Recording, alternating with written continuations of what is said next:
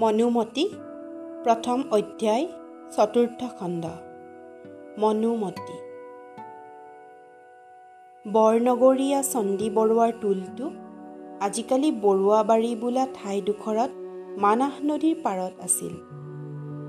তেওঁৰ টোলটোৰ চাৰিওফালে প্ৰায় চাৰি হাত ওখ চাৰিপোৰা মাটিৰ বেৰৰ এটা ইটাৰ গড়। সেই গড়ৰ ঘাই দুৱাৰমুখ দক্ষিণৰ ফালে। পূব পশ্চিম আৰু উত্তৰেও এটা এটা দুৱাৰমুখ। উত্তৰৰ দুৱাৰমুখটোৱেদি বৰুৱাৰ ঘৰৰ মানুহবিলাক নৈলৈ ওলোৱা সোমোৱা কৰিছিল আৰু দুই কাষৰ ই দুটা দুৱাৰমুখেদি গড়ৰ বাহিৰে থকা হাউলিলৈ ওলোৱা সোমোৱা কৰিছিল। ঘাই দুৱাৰমুখত এটা পকা বাটঘৰ আছিল। এই বাটঘৰটোৰ বেৰবিলাক শিলেৰে গঠা আৰু ওপৰৰ ছাদখন ইটাৰ। সেই ছাদখনক বৰ বৰ ইটাৰ থামে ধৰি আছিল। গড়ৰ দক্ষিণ দুৱাৰমুখেদি গড়ৰ ভিতৰলৈ সোমাই গ'লে পোনেই এটা বহল আৰু ওখ আলি পায়। সেই আলিৰ দুয়োকাষে দুটা চাৰিচুকীয়া পুখুৰী। সেই পুখুৰীৰ আলিৰ দুয়োকাষৰ পৰা পাৰ দুটাত নাৰিকলৰ গছ শাৰী শাৰীকৈ ৰোৱা। পুখুৰী দুটাৰেই তিনিটা পাৰত নানা তৰহৰ ফুলৰ গছ শেৱালি ৰংগিয়াল বাগি গোলাপ তগৰ ইত্যাদি। পুখুৰী দুটাৰ মাজৰ আলিটোৱেদি গ'লে বৰুৱাৰ চৌৰাঘৰৰ টোপ পায়। চৌৰাঘৰটো ডাঙৰ ঘৰটো খেৰি দুচলীয়া। আৰু এটা টোপ লগোৱা।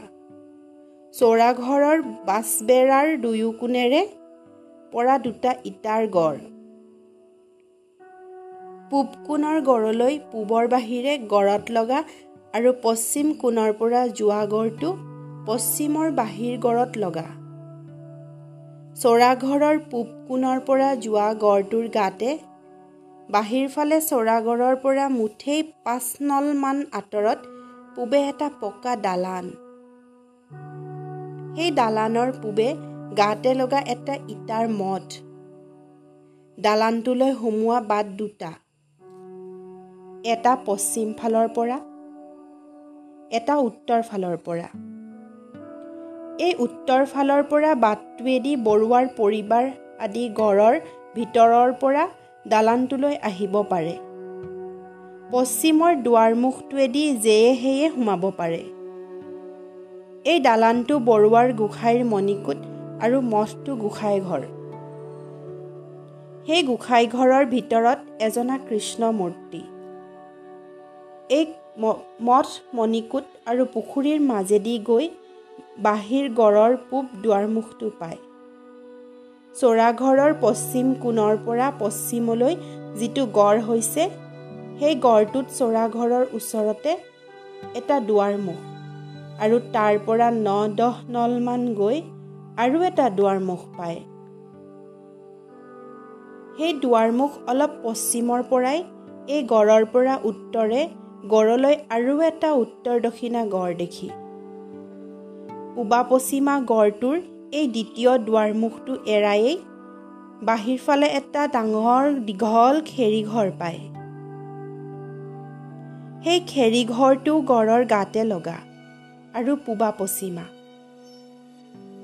এই বৰুৱাৰ গোহালি ঘৰ।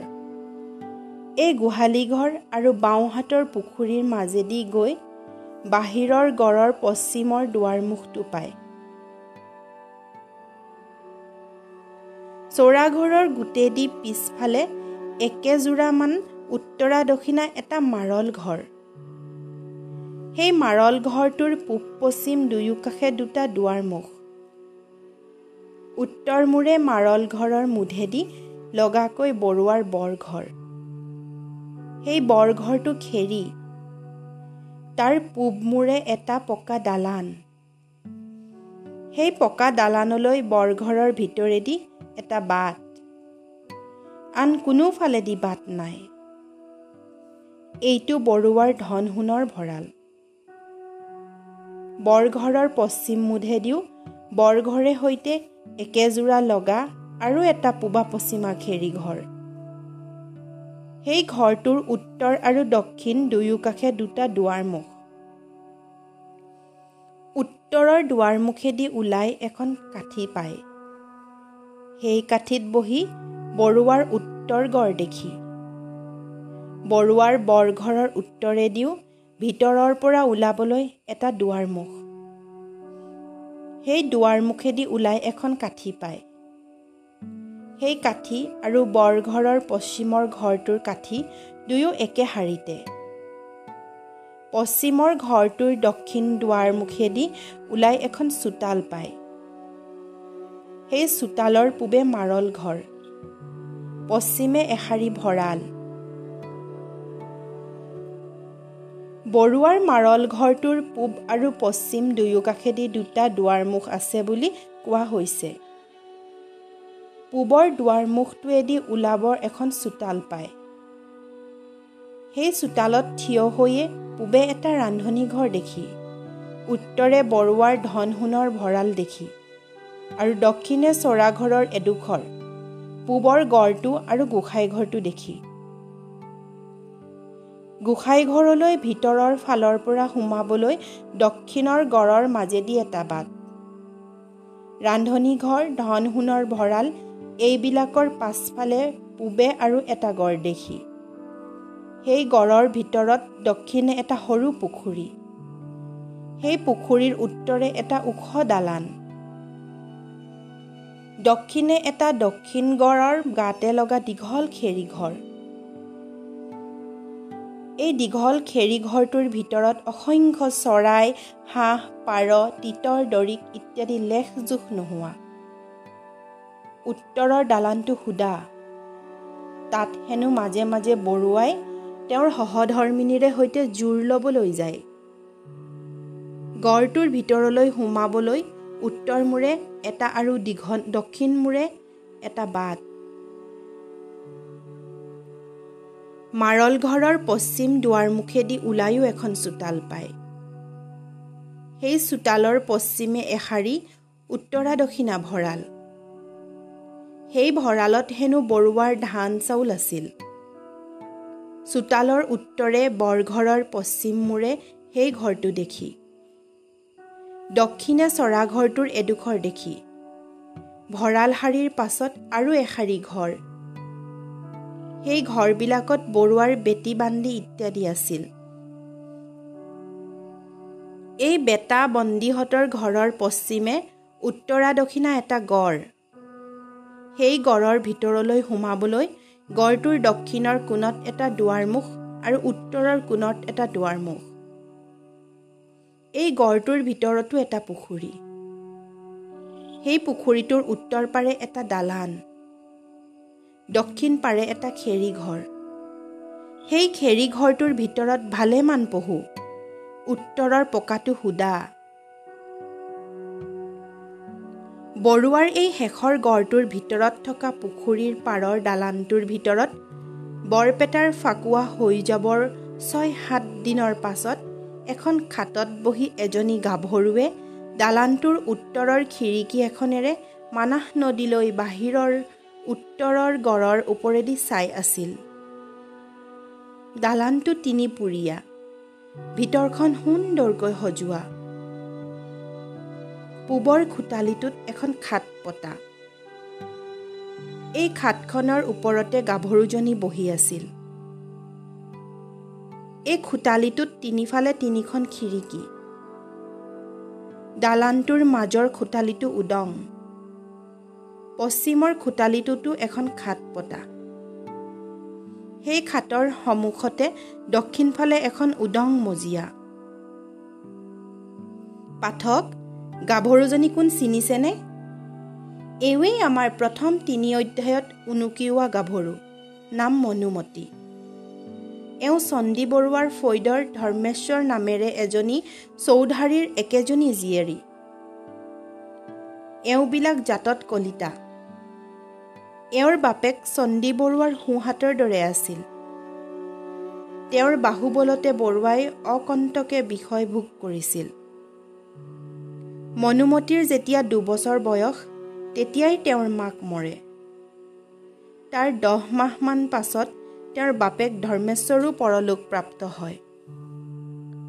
তেওঁৰ বাপেকে মৰিবৰ সময়ত তেওঁ তেওঁক চণ্ডী বৰুৱাৰ হাতে পাতে ধৰি সপি দি যায়।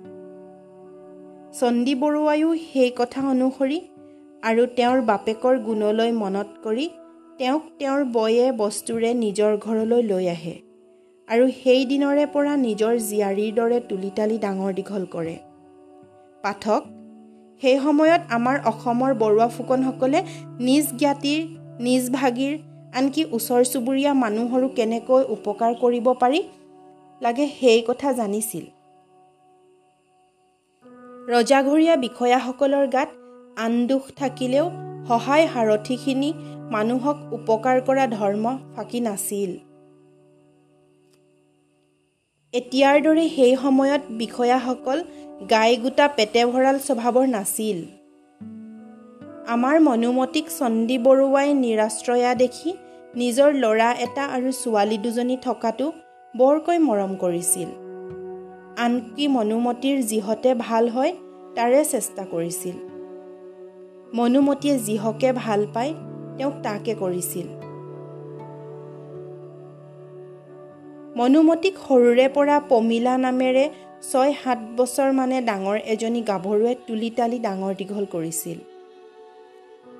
মনুমতী এইদৰে চণ্ডী বৰুৱাৰ আশ্ৰয়ত ডাঙৰ দীঘল হৈছিল। তেওঁ চণ্ডী বৰুৱাৰ গড়ৰ ভিতৰত নিৰ্বিঘ্নে য'তে ইচ্ছা ত'তে ফুৰিব পাৰিছিল।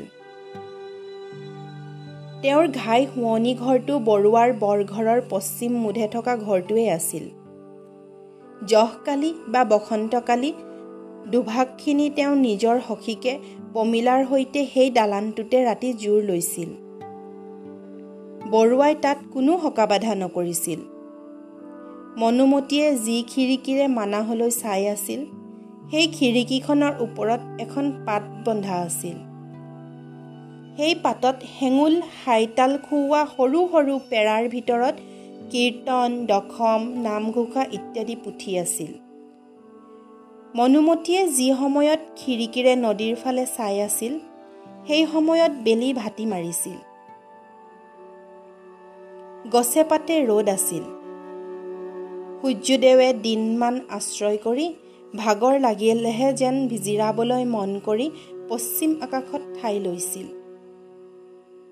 আকাশখনে পশ্চিমফালে হেঙুলীয়া বৰণ ধৰিছিল। সেই আকাশৰ ছাঁ মানাহৰ নদীৰ ওপৰত পৰি মানাহৰ পানীকো ঝিলমিলীয়া কৰিছিল। সন্ধ্যাৰ কালত মৃদু মৃদু বতাহ বৈছিল সেই বতাহৰ বা ৰিপ ৰিপ কৰি মনুমতী গাভৰুৰ গাত লাগি একেবাৰে তেওঁৰ ৰিহাৰ আচলটি উৰাই উৰাই নিছিল। মনুমতীৰ কঁকালত এখন পাতৰ ফুলাম মেখেলা গাত এখন পাতৰ ৰিহা হাতত এযোৰ সোণৰ বালা নাকত এটা নাকফুল কাণত এযোৰ কৰিয়া কপালত এটা সেন্দুৰৰ বহল ফুটা মূৰত চুলিতাৰিৰ এটা খেকেৰুপতীয়া খোপা। তামোলৰ ৰঙেৰে উঠটুটি টিক টিক কৰে ৰঙা। মনুমতী গাভৰুৰ বয়স পোন্ধৰ কি ষোল্ল বছৰ হৈছিল। তেওঁৰ গাৰ বৰণ বগা। মুখখন চুচি কটা চকুজুৰি উজ্জ্বল। আৰু তাৰ ওপৰত ভুৰুজুৰি ধেনুৰ দৰে আৰু দুয়ো কাষে বৈ পৰা। তেওঁৰ গা বৰ শকতো নহয় লাহিও নহয়। তেওঁৰ মুখখন কোমল। চকুযোৰত যেই সেই মানুহকে মৰম লগাব পৰা এটি অসামান্য জেউতী আছিল। সেই জেউতীত পুৰুষৰ মত মনত তেওঁলৈ পাপ চিন্তা কৰাব পৰা একো নাছিল। যেই সেই মানুহকে প্ৰকৃত মৰম লগাব পৰা শক্তি এটিহে আছিল। আমাৰ দেশত বামুণত বাহিৰে আন জাতৰ বাল্য বিবাহ নথকাৰ বাবে তেওঁ তেতিয়ালৈকে অবিবাহিতা আছিল।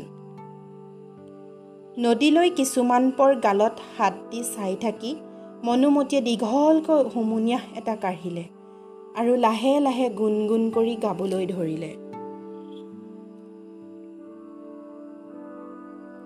কৃষ্ণই কদেৱ দুখ হাৰি কাল অধিকাৰী কৃষ্ণ বিনে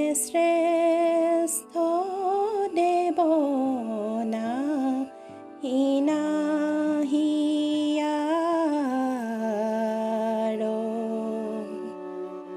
এইদৰে তেওঁ গুণগুণ নাম গাই থাকোঁতে এজনী বেটী ছোৱালীয়ে তেওঁৰ গছাটোত আনি চাকি এটা থলে।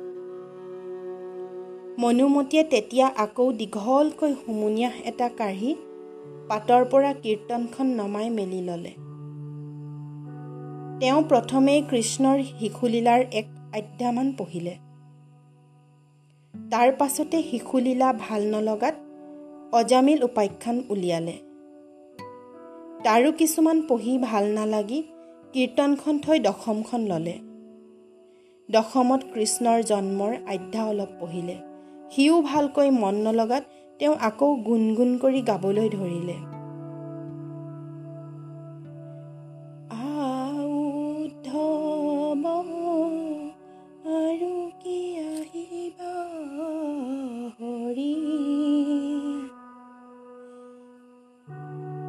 অতি সুললিত সুৰেৰে মিঠা মাতেৰে মনুমতী গাভৰুৱে এই নামটি গালে। নাম গাই উঠি আকৌ দীঘলকৈ হুমুনিয়াহ এটা কাঢ়িলে। এনেতে কীৰ্তন ঘৰত মনুমতীক আগুৰি ধৰি থকা তেওঁতকৈ অলপ বয়সীয়াল গাভৰুজনী তেওঁৰ ঘৰৰ ভিতৰত সোমাল আৰু একেদেৱে গৈ মনুমতীৰ কাষত বহি তেওঁৰ হাতত ধৰিলে।